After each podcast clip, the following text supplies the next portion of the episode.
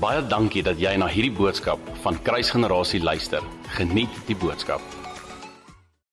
So ek wil direk inspring en in my woorde en ek wil eintlik my afsluiting koppel aan waartoe ons nou geguide het. So ek wil ek gaan regtig probeer om nie te lank te preek nie want ek wil ek's excited vir die einde. Ek's excited vir wat kom. Um so ek wil jou uitnooi om saam met my sommer net jou aandag gou te fokus. Ek het wil ek sê nou nou vir Karen ek het vir haar 'n video gegee om te speel net 'n 40 sekonde video. So die video kwaliteit is regtig nou nie die greatste nie. Maar bear with us. Ek hoop regtig dat jy die humor daarin sien, dat jy so 'n bietjie kan lag. Ehm um, want ja, daar's regtig in die voor die voor die tyd was ons 'n bietjie styfheid. Nou kan ek nie sê ek ervaar dieselfde styfheid nie. Jesus het regtig net kom lette losmaak in hierdie plek. Maar ehm um, vanoggend wil ek met ons gesels oor 'n periode van rus en ek wou eintlik heel week my titel gemaak het wanneer is 'n goeie tyd om te slaap. So voordat ek verder praat wil ek jou uitnooi. Kyk gou saam met my na hierdie video asseblief. Hey buddy, you tired? Yeah, Yeah. Can't keep your eyes open? yeah, Yeah. You've been nodding off a little bit. yeah.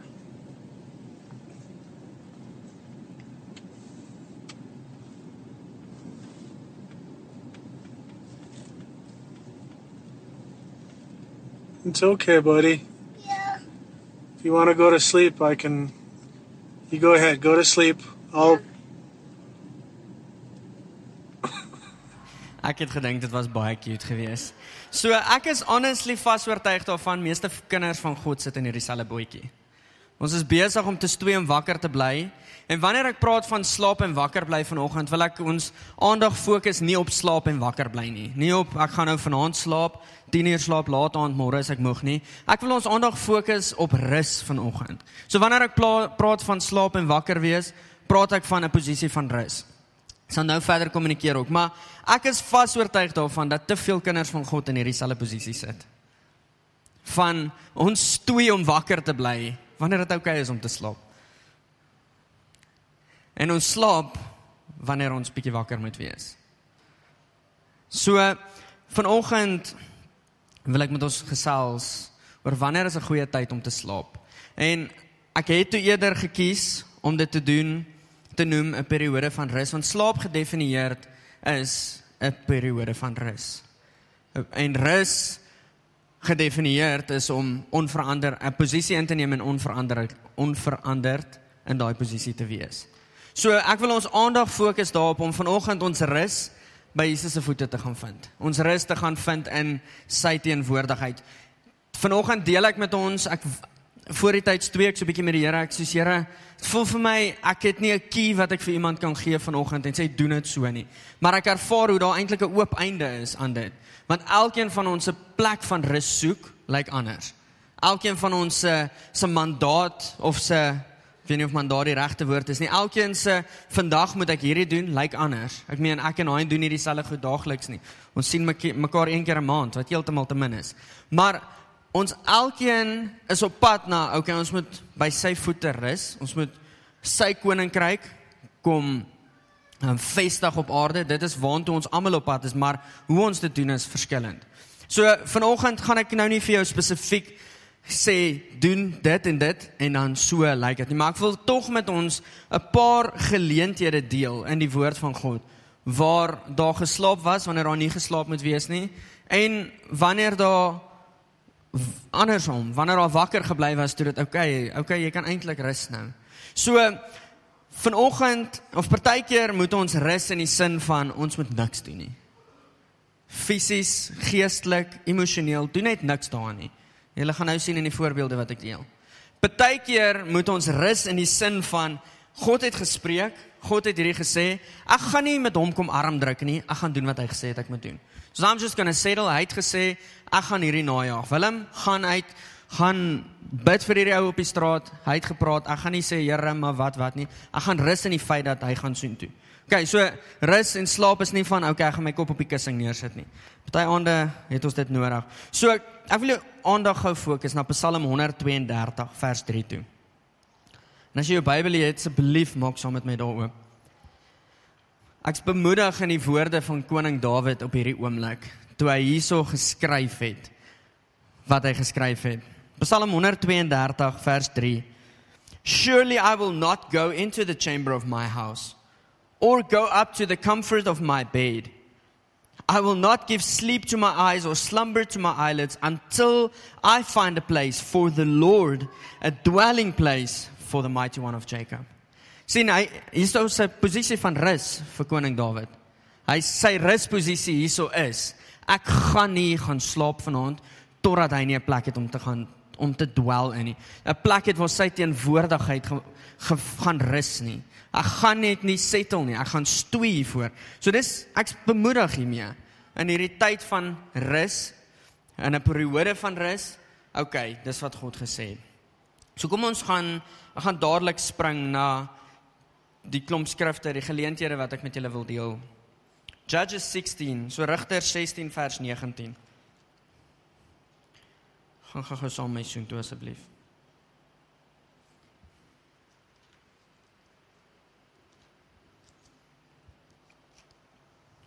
So hier's vier genotuleerde geleenthede waarna ek wil verwys. Daar mag dalk meer opduik, maar ek het beplan om net hierdie vier met julle te deel. So in Rigters 16 sien ons van die man met die naam Samson. Glo elkeen van ons in hierdie vertrek het al gehoor van hierdie ou. So die rigter se doel was gewees om God se stem basically te wees. God het die rigters opgerig. Hulle moes uh, geregtigheid, hulle moes hulle het gereign, hulle was gestuur gewees om seker te maak dat alles het in orde gehardloop. So Samson wat 'n rigter was, Rigters 16 vers 19. Kom ek lees dit vir ons. Then so here is now Delilah. Then she lulled him in to sleep on her knees and called for a man and had him shave off the seven locks of his head. Then she began to torment him and his strength left him. And she said to the Philist- uh, she said, "The Philistines are upon you, Samson." So he awoke from his sleep and said, "I will go out as before at other times, and I will shake myself free. But he did not know that the Lord had departed from him. Then the Philistine took him, uh, took him and put out his eyes and brought him down to Gaza. They bound him with bronze feathers, and he became a, a grinder in the prison. Okay, so uh, Samson val hier aan die slaap. Hy vind rus by sy eie begeertes. Hy vind rus buite die werk wat God vir hom gegee het. En wat gebeur hierso is hy hy raak distracted. Baie keer vind ons rus in die dinge wat ons self begeer. Ek eh, hierso is ek vulnerable vanoggend. Daar's baie keer wat dit soveel makliker is om rus te vind en gemak te vind in die goedjies wat ek graag soek, my begeertes. Maar in dit wat God spreek, raak ek so 'n bietjie aan die slaap voor. So hier is nou 'n redelike goeie voorbeeld van om aan die slaap te raak en rus te vind buite dit wat God gesê het. Onthou julle vroeër het ek gesê partykeer lyk ons rus, okay, doen net niks nie, soos die volgende voorbeeld waarna ons gaan kyk. Of die ander rus is, okay, dis wat God gesê het, ek gaan dit najag. Samson het dit nie gedoen nie. Het julle dit gesien? Kan ek net gou-gou reaksie kry daarso by julle? Het julle gesien hy het nie gedoen waarvoor hy gestuur is nie. Hy het geval vir sy eie begeerte. Hy het gehou van vrouens en hy het waak nie aan die slaap gaan raak. En daar word sy hare afgesny, hy verloor al sy krag. Onthou hy was 'n Nazarener gewees, hy mag nie sy hare afgesny het nie. So en da, net in die, sy storie, daar was 'n belofte gemaak van sy ma af dat hy nooit sy hare sal sny nie. So in dit toe verloor hy die teenwoordigheid van God want hy was besig om op 'n ander plek te slaap. OK, het julle dit? Ons vind baie keer te veel rus in die dinge waarin ons goed is. OK, Matteus 8 vers 23. Dit gaan net 5 keer rondblaai genotuleerde. Maar mag dalk meer wees. Matteus 8 vers 23. Ek nooi hom saam met my seun toe te gaan asseblief. Ook 'n baie baie baie baie bekende stukkie skrif wat ons almal al 10 teen 1 op gemediteer het, want ons het al storms om onsself beleef. So Matteus 8 vers 23. Now when he got into the boat, his disciples followed him, and suddenly a great a great uh, tempest arose on the sea. 'n Groot storm het opgestaan. Het gekom so that the boat was covered with the waves and he was asleep. Sien partykeer is daar storms om ons. Het julle al gesien hoe hardloop julle en die mense rondom julle wanneer daar 'n storm op pad is? En as ons 'n boodskap kry van daar's haal op pad. Mense, dan kan ons hardloop. Nou die aand, toe laai hulle teels by ons huis af. Weet nie vir my is dit soos hoekom het die ou so laat gekom, maar ja, in elk geval, hy het laat gekom. Toe hy daar aankom, toe help ek hom teels aflaai want dit is soos 09:30 die aand. Toe begin dit haal. En ons karre staan daar buite en die teels is op en ons is in die reën en ek is soos, "O, oh, die kar" en ek is soos, "O, oh, hierdie reën, alles groot" en ek hardloop bietjie rond soos 'n afkoop hoender, want soos, oh, "Wat doen ek nou eerste?" En ek dink nie eens aan die ou nie en ek hardloop, gryp die kar want nou is die garage vol nou, gaan trek ek hom diep so diep as wat ek kan onder die boom. Meantime het ek nie eens gedink aan, okay, nou moet ek in die huis kom nie. So dis 'n entjie se hardloop toe in die hal gewees. Maar wanneer daar 'n storm kom, is ons baie geneig, dalk nie julle nie, dis seker net ek. So so geneig om te begin rondhardloop en rondspring, presies soos die disippels hierso. Maar kyk wat doen Jesus. Hy slaap. Ek hoef eintlik nie veel daarso te sien nie, te sê nie. Maar die disippels kom benoud na hom toe. En dankie tog hy reageer soms as ons benoud na hom toe kom. Maar 'n goeie tyd vir rus, 'n periode van rus hieso sou gewees het. God het ons gestuur na die ander kant van die wal toe. Maak nie saak wat hier gebeur nie, dit gaan nie my lewe steel nie. Ek gaan aan die ander kant uitkom want God het my gestuur. Ek was ons het ek en my vrou het 'n beradingskursus gedoen en ek dink Loan ook. Hy het die beradingskursus gedoen van hom Sarel of Dr. Sarel van der Merwe.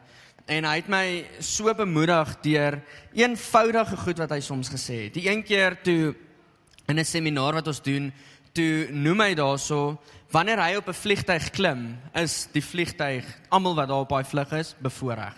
Want hy gaan nie op daai vliegtyg klim na die ander kant toe as die Here hom nie gestuur het nie. So hulle almal se lewens is veilig want hy is gestuur soontoe. Wanneer ons gestuur word, het ons kan ons rus in daai plek van okay, as my lewe wil steel, kom wat my. Ek is gestuur deur God. Hy sal my beskerm. Want Jesus weet hierso dat hy 'n werkie gehad het aan die ander kant van die wal. En daarom twyfel hy nie. Daarom is die storm wat voor hom opstaan nie vir hom groter nie. Hy slaap. Hy rus in wat God gesê het. Is julle nog met my? Amen. Is julle bemoedig deur dit? Gaan julle slaap wanneer die volgende hol kom? Ek moet nou nie onverantwoordelik wees nie. Maak seker julle karre is veilig. Anders is dit nou net was net 'n voorbeeld gewees. Matteus 26 vers 38.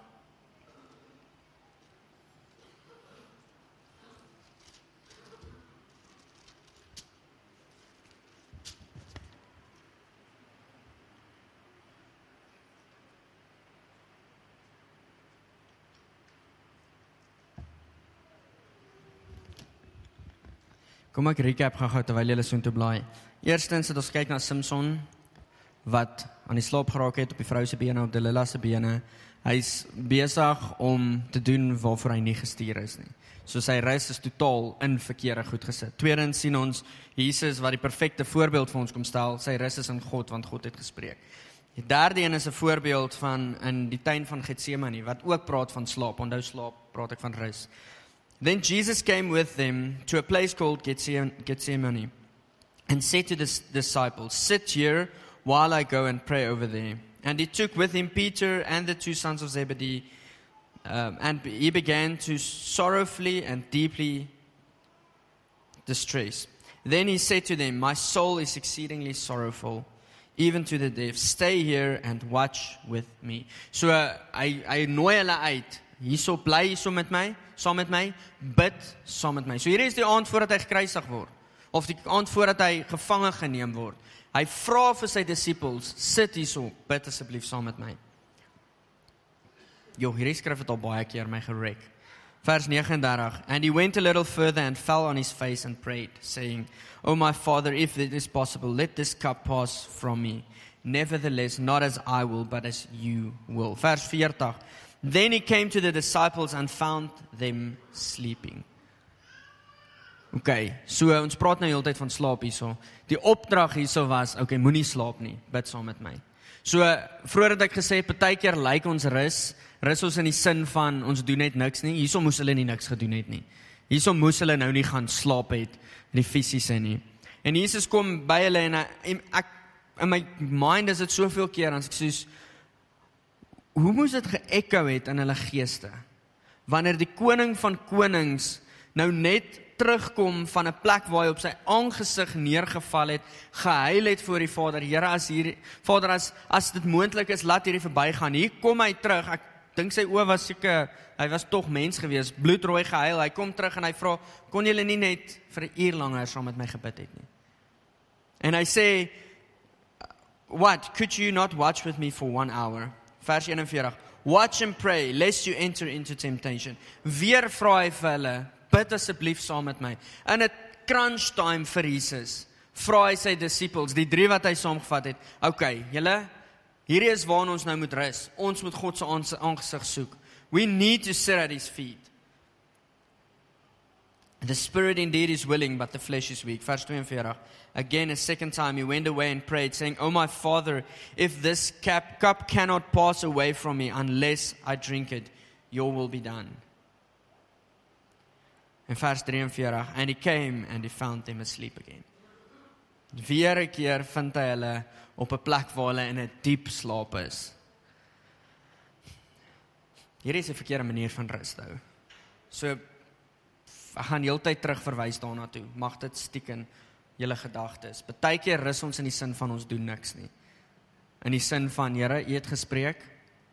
I'll take that as the standard. Ander kere rus ek in die feit van ek gaan graft.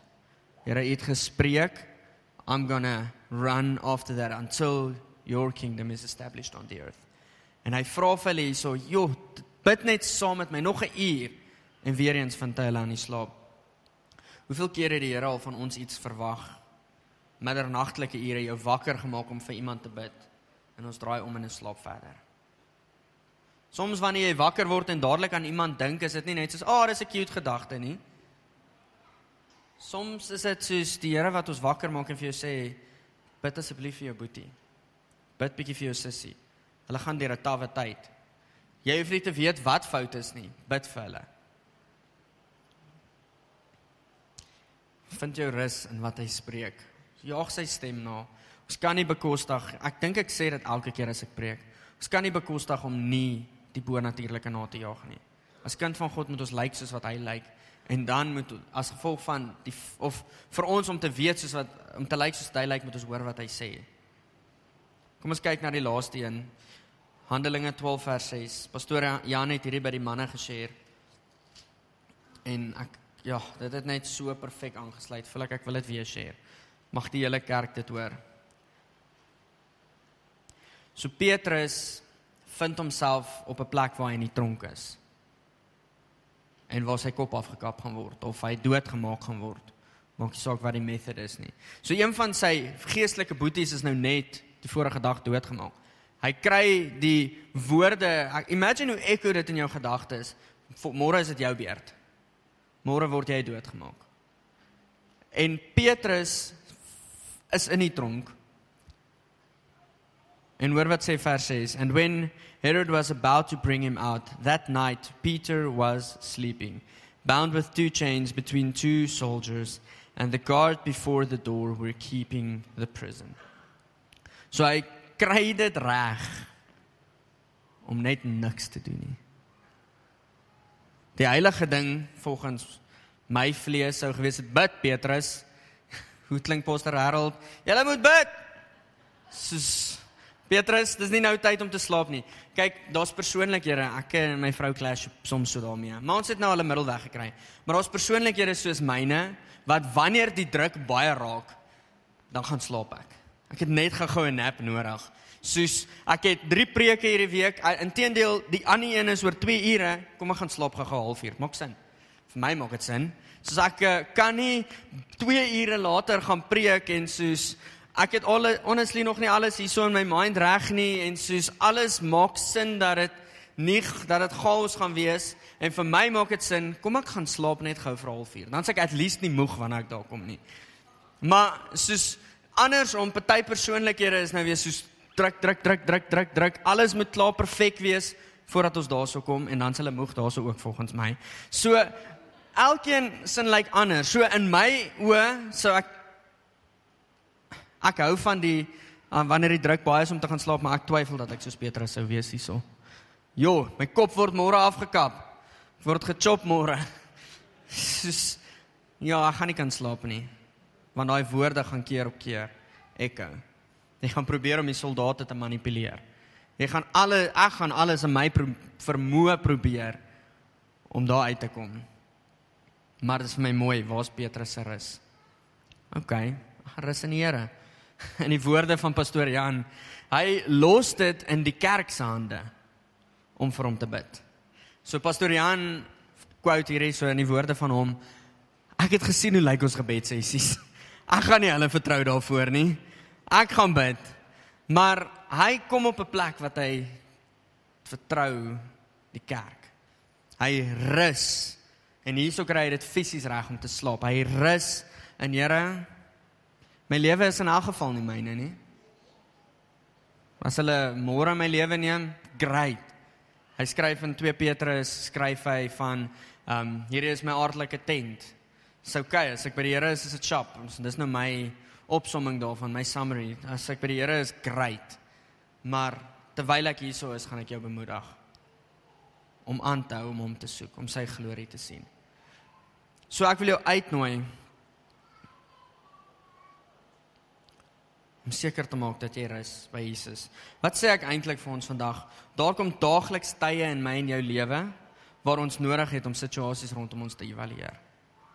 Daagliks. Ek het dis hoekom ek staan nou voor die tyd hier toe ek die mic vat toe besef ek ek bid alweer wat ek nou-nou gebid het. Here, hierso is my hart en ek bid dit nie uit vain repetition uit nie. Ek bid dit van okay, Here, vandat ek die vorige keer die mic gehad het tot nou toe, het daar ander gedagtes ook deur my gehardloop het daar distractions ook my hart en my aandag kom wegsteel van nie af. En dan het ek weer net nodig, okay. Nee, my oomblik het ek geëvalueer. Ek moet net weer op hom fokus. Hier's my hart, Here. Ek sê jammer ek het dit al weer teruggevat. Ek het nou-nou gesê, hier's my hart. Alles is u sin en dan het ek dit net gou-gou weer teruggeneem om net gou die volgende keuse te maak. Elke keer het ons nodig om te evalueer wat het God gespreek. Ons het nodig om te evalueer wat word van my verwag. En ons het nodig om te evalueer kan ek nou iets daan verander. Soos Petrus het op daai oomblik geweet hy kan nou niks daan verander nie. Dis in God se hande. Ek en jy het nodig om te evalueer moet ons nou ietsie aan doen. Ons is 'n liggaam en ongelukkig sit ons op 'n plek wat die liggaam nie gesond is altyd nie. Wanneer die toon voel ons moet loop, dan verwag hy van die oor, die oor moet nou ook toon klap en loop. Soos daar is nie wanneer God vir oom Chris byvoorbeeld, ek het nou dadelik net aan hom gedink, iets gee, is dit nie te sê dat hy moet ook nou al al in dit wees nie. Ja, ons bid saam met dit. Die liggaam loop in eenheid. Ons het geen ons harte stewig nie teen dit nie, maar dit beteken nie al sy energie moet daar wees nie, want wanneer al sy energie daar is, kan hy nie doen wat hy moet doen nie kan die oor nie meer luister nie want hy's besig om toon te klap. Ons het nodig om te evalueer wat sê God? Wat spreek God oor ons en wat word van ons verwag op hierdie oomblik? Elkeen van ons. Dis hoekom dis waar daai oop einde inkom. Soos ek kan nie vir jou sê, okay, almal moet môre aand kom bid nie, maar die gebeds gesluit net so FYI. Maar ek kan nie vir jou sê almal moet nou môre kom bid nie want die einde is sodat Here, wat sê U vir my? sy hart is dat ons almal wel moet kom bid. So gebed was nou 'n slegte voorbeeld. Maar in elk geval weet jy wat sien ek wanneer ek so kyk na die gejaag wat rondom ons aangaan? Ek sien hoe dit makliker is om 'n lewe van rus op te offer vir die sienlike en vir die fisiese. Die droom wat ek het om sukses te behaal is soveel makliker. Ek meen ons almal jaag vir die fisiese. Jo, al hierdie werk moet gedoen word werk, werk, werk, werk en dan môre is daar nog werk en ek kan nie vir jou sê moenie hou net op om dit te doen nie, maar daar's 'n konstante aanvraag in die fisiese. Daar's 'n konstante aanvraag vir ons om suksesvol te wees, het ons nodig om hierdie te doen en hierdie te doen en hierdie te doen. Dis so maklik om ons rus so besig te maak en dan word ons fisies moeg, ons geeste lei dan geestelike lewens lei daaronder en dan as ons weer kyk Dis ons van die pad af. Is julle nog met my? Is amper amper klaar. Terselfdertyd sien ek hoe die vuur van dit wat God gespreek het in oomblikke geblus word. Ek sien baie keer die probleem dat ons 'n break call nog voordat ons gerelease word daarvoor. Baie keer en ek dink ek is so skuldig daaraan. Ek het eintlik nog so bietjie besig om te nodig om te werk aan aan hierdie goedjies. Maar ek sal dit môreoggend doen. Maar meantime is ek dalk nog nie gerelease om nou. Ek moet net nog so bietjie deurwerk, net nog so klein bietjie graft. En dan, okay, go, gaan rus. Maar partykeer roep ons 'n breek voordat hy ons release om dit te doen. Moenie op so 'n plek wees nie. 20 minute later dan sou soos Here, okay, ek's moeg, ek kan nie meer hierdie doen nie. Ek wil kyk om af te sluit en ek wil julle bemoedig met hierdie. So in die begin het ek gesê ek wil so graag hê hierdie moet hande vat met die worship. Aan die worship het dit so gegaan oor ons identiteit as kind van God. Ons kan uitroep Abba. Hy het na ons toe gehardloop gekom met 'n with a ring and a robe. Hy het hy het ons kom kleem met autoriteit al verdien ons dit glad nie. Al is ons mindset ek wil net weer 'n slaaf wees in my Vader se huis, het hy ons meer kom gee. So daar's ek wil getuienisse met julle deel. Net uit die feit uit ons God, ons Pappa is die skepper. Hy's die lewende magtige God. Daar's niks in sy vermoë, niks buite sy vermoë nie. Hy kan alles doen. En ek dink baie keer rus ons in 'n valsheid van God dat okay nee, hy's ook nou moeg. Hy wil nie hierdie gee nie, hy wil nie hierdie voorsien nie. So kom ek deel met ons getuienisse van ouens wat in 'n ander vlak van God se goedheid ingetap het, wat ek begeer om na te gaan. En ek is soos Here, mag dit so wees in my lewe ook. So daar was 'n man in die 1900s met die naam St George Miller. So hierdie was 'n ou wat 'n hart gehad het vir die orphans, vir die weeskinders. Hy het 117 skole begin in sy lewe. Hy het 10024 orphans in sy huis gehad in sy lewenstyd. He educated more than 120,000 children. Hy was geaccused gewees for raising the poor above their standard. So imagine gou die kerk word geaccused hiervoor. Jo, julle is besig om die armes bo hulle standaard uit te rek. Jo, mag dit so wees. Sy metode was hy het nooit vir geld gevra nie. God het vir hom hy daarvoor God het vir hom gesê hy mag nooit in sy lewe vir geld vra nie. As jy wat hy ingesamel het deur gebed in sy lewenstyd ingesamel het, geld gaan uitwerk en dit terugwerk na vandag toe, het hy 150 miljoen US dollar ingesamel in sy lewenstyd. So hy het een aand in 'n saal gesit met orphans en hulle het niks kos gehad nie. Hy het geweet hulle het nie kos nie en hy moet vir hulle kos gee. En hy het hulle almal gevra, "Staan saam met my op, let's say grace for the food that we're about to receive." En hulle het opgestaan en hy het begin by die onsse Vader, ons Vader wat in die hemel is, laat U naam geheilig word. Laat U koninkryk kom, laat U wil geskied. Gee ons vandag ons daaglikse brood. Toe hy dit klaar bid, toe sa 'n klop aan die deur. Toe is dit die local bakery wat gesê die Here het hulle 2 uur vanoggend wakker gemaak en vir hulle gesê hulle moet begin brood bak vir die orphans. Op daai oomblik, jo, dis nie per toeval nie. Come on. Toe hulle dit receive en begin eet, toe kom die local milkery klop aan die deur. Toe het hulle karretjie gebreek voor die erf en hulle het geweet dat die melk gaan afgaan as hulle dit nie vir iemand gee nie en hulle het toe gesê hulle wil dit vir die kinders gee. Soos alles in een ete, is dit per toeval? Nee, dis ons koning. Ons is kinders, ons kan rus in sy goedheid. Daar's niks onmoontlik vir hom nie. Ek hoop jy het so 'n bietjie hoendervleis van hierdie. Ek het toe ek hierdie hoor, toe ek het nou al so 4 keer gaan luister. Mag my lewe so wees. Net absolute vertroue in wie hy is. Kom ek deel nog so twee getuienisse met julle. Ek het nog so 'n paar minute.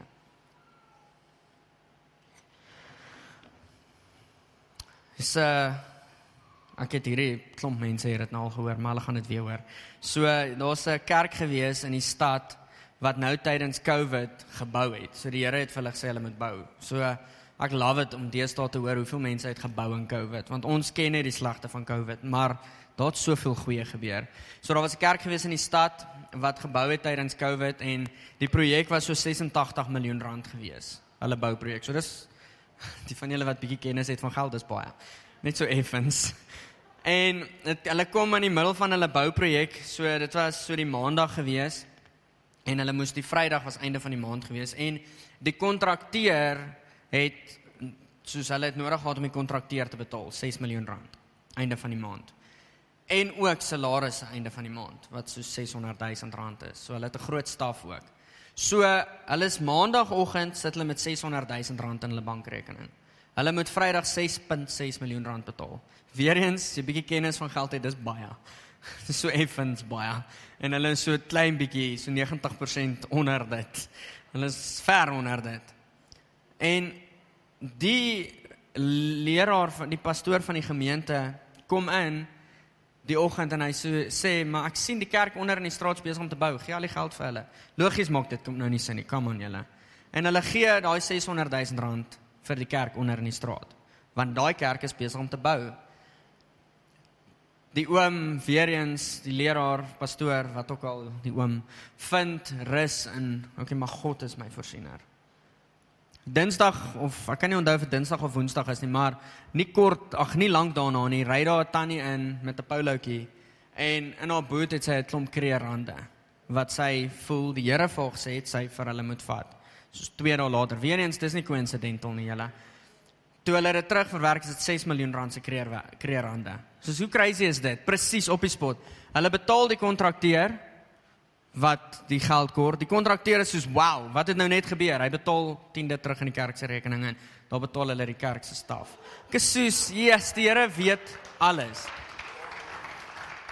Nog een hierdie selfde ou. Ja, julle daar's 'n begeerte in my om na 'n hoër vlak van die supernatural in te gaan want dit is beskikbaar vir ons. Hierdie selfde ou het uh, sy pa se vriend was 'n ongelowige gewees, maar hulle is wel afredelik en hulle het plase gehad en Die blykbaar is seker nou beter kenners as ek. Blykbaar 'n Rolex horlosie is net 60% van die waarde en die boksie is 40%. Iets soos dit. Maar hulle het ingebreek 2 jaar voor hierdie gesprek, het hulle ingebreek by die ou en hulle het die kluis gesteel waarin hierdie horlosie was. So 2 jaar along the line het hierdie ou en die ouma gesprek en hulle is in 'n geselskap en die ou sê vir die pastoor, ek sal weer in die Here glo wanneer ek my oorlosieboksie terugkry. En hy reageer deur vir hom te sê, nou vra die Here. Honestly, my mindshift, ek het nodig om 'n mindshift te maak want dit sou nie my eerste respons gewees het nie. Ek sê vir hom gesê, "Ag, kom nou oor dit ou." Maar hy reageer deur te sê, "Nou vra die Here hiervoor." En die ou is toe soos, "Okay, if you're God, give it to me." Hy ou ry huis toe die middag. Hy sien in die veld lê daar iets. Hy klim uit, gaan soontoe want die veld het die vorige aand afgebrand. Hy gaan uit, ry of hy klim uit sy kar uit, loop na die item toe wat hy sien. Toe hy daar kom, toe is dit die kluis wat 2 jaar terug gesteel is. Toe hy die kluis oopmaak, toe haal hy die boksie uit die kluis uit unharmed. 2 jaar later, is dit per toeval? Guys, ons koning is soveel groter as wat ons dink. Ja, kom ek kom ek eindig daar. Ons het nodig om te rus in sy goedheid. Ons het nodig om te rus in die feit dat wanneer daar storms woed rondom ons, Here, ek weet wat het U gesê. Ek gaan nie vrees nie. Ons het alles vandag het so mooi ingetaai met dit. I'm no longer a slave to fear. Maak nie saak wat die storms rondom my vir my skree nie. Ek gaan rus in U. Dis wat U gesê het. My kop môre afgekap word, my lewe is nie myne nie, is okay. So, Here, hier is my lewe. Ek gaan rus in U maar ook terselfdertyd nie op so 'n mate rus soos die kerk van Sardes wat oorweldig oorval was in die aand toe die Here vir hulle kom sê het soos maar wees versigtig dat ek nie kom soos 'n dief in die nag nie. Moenie op 'n plek wees wat jy rus in jou eie krag nie. Rus in wat hy gesê het. Baie dankie dat jy na hierdie podcast geluister het. Indien jy die boodskap geniet het, deel hom asseblief met jou vriende.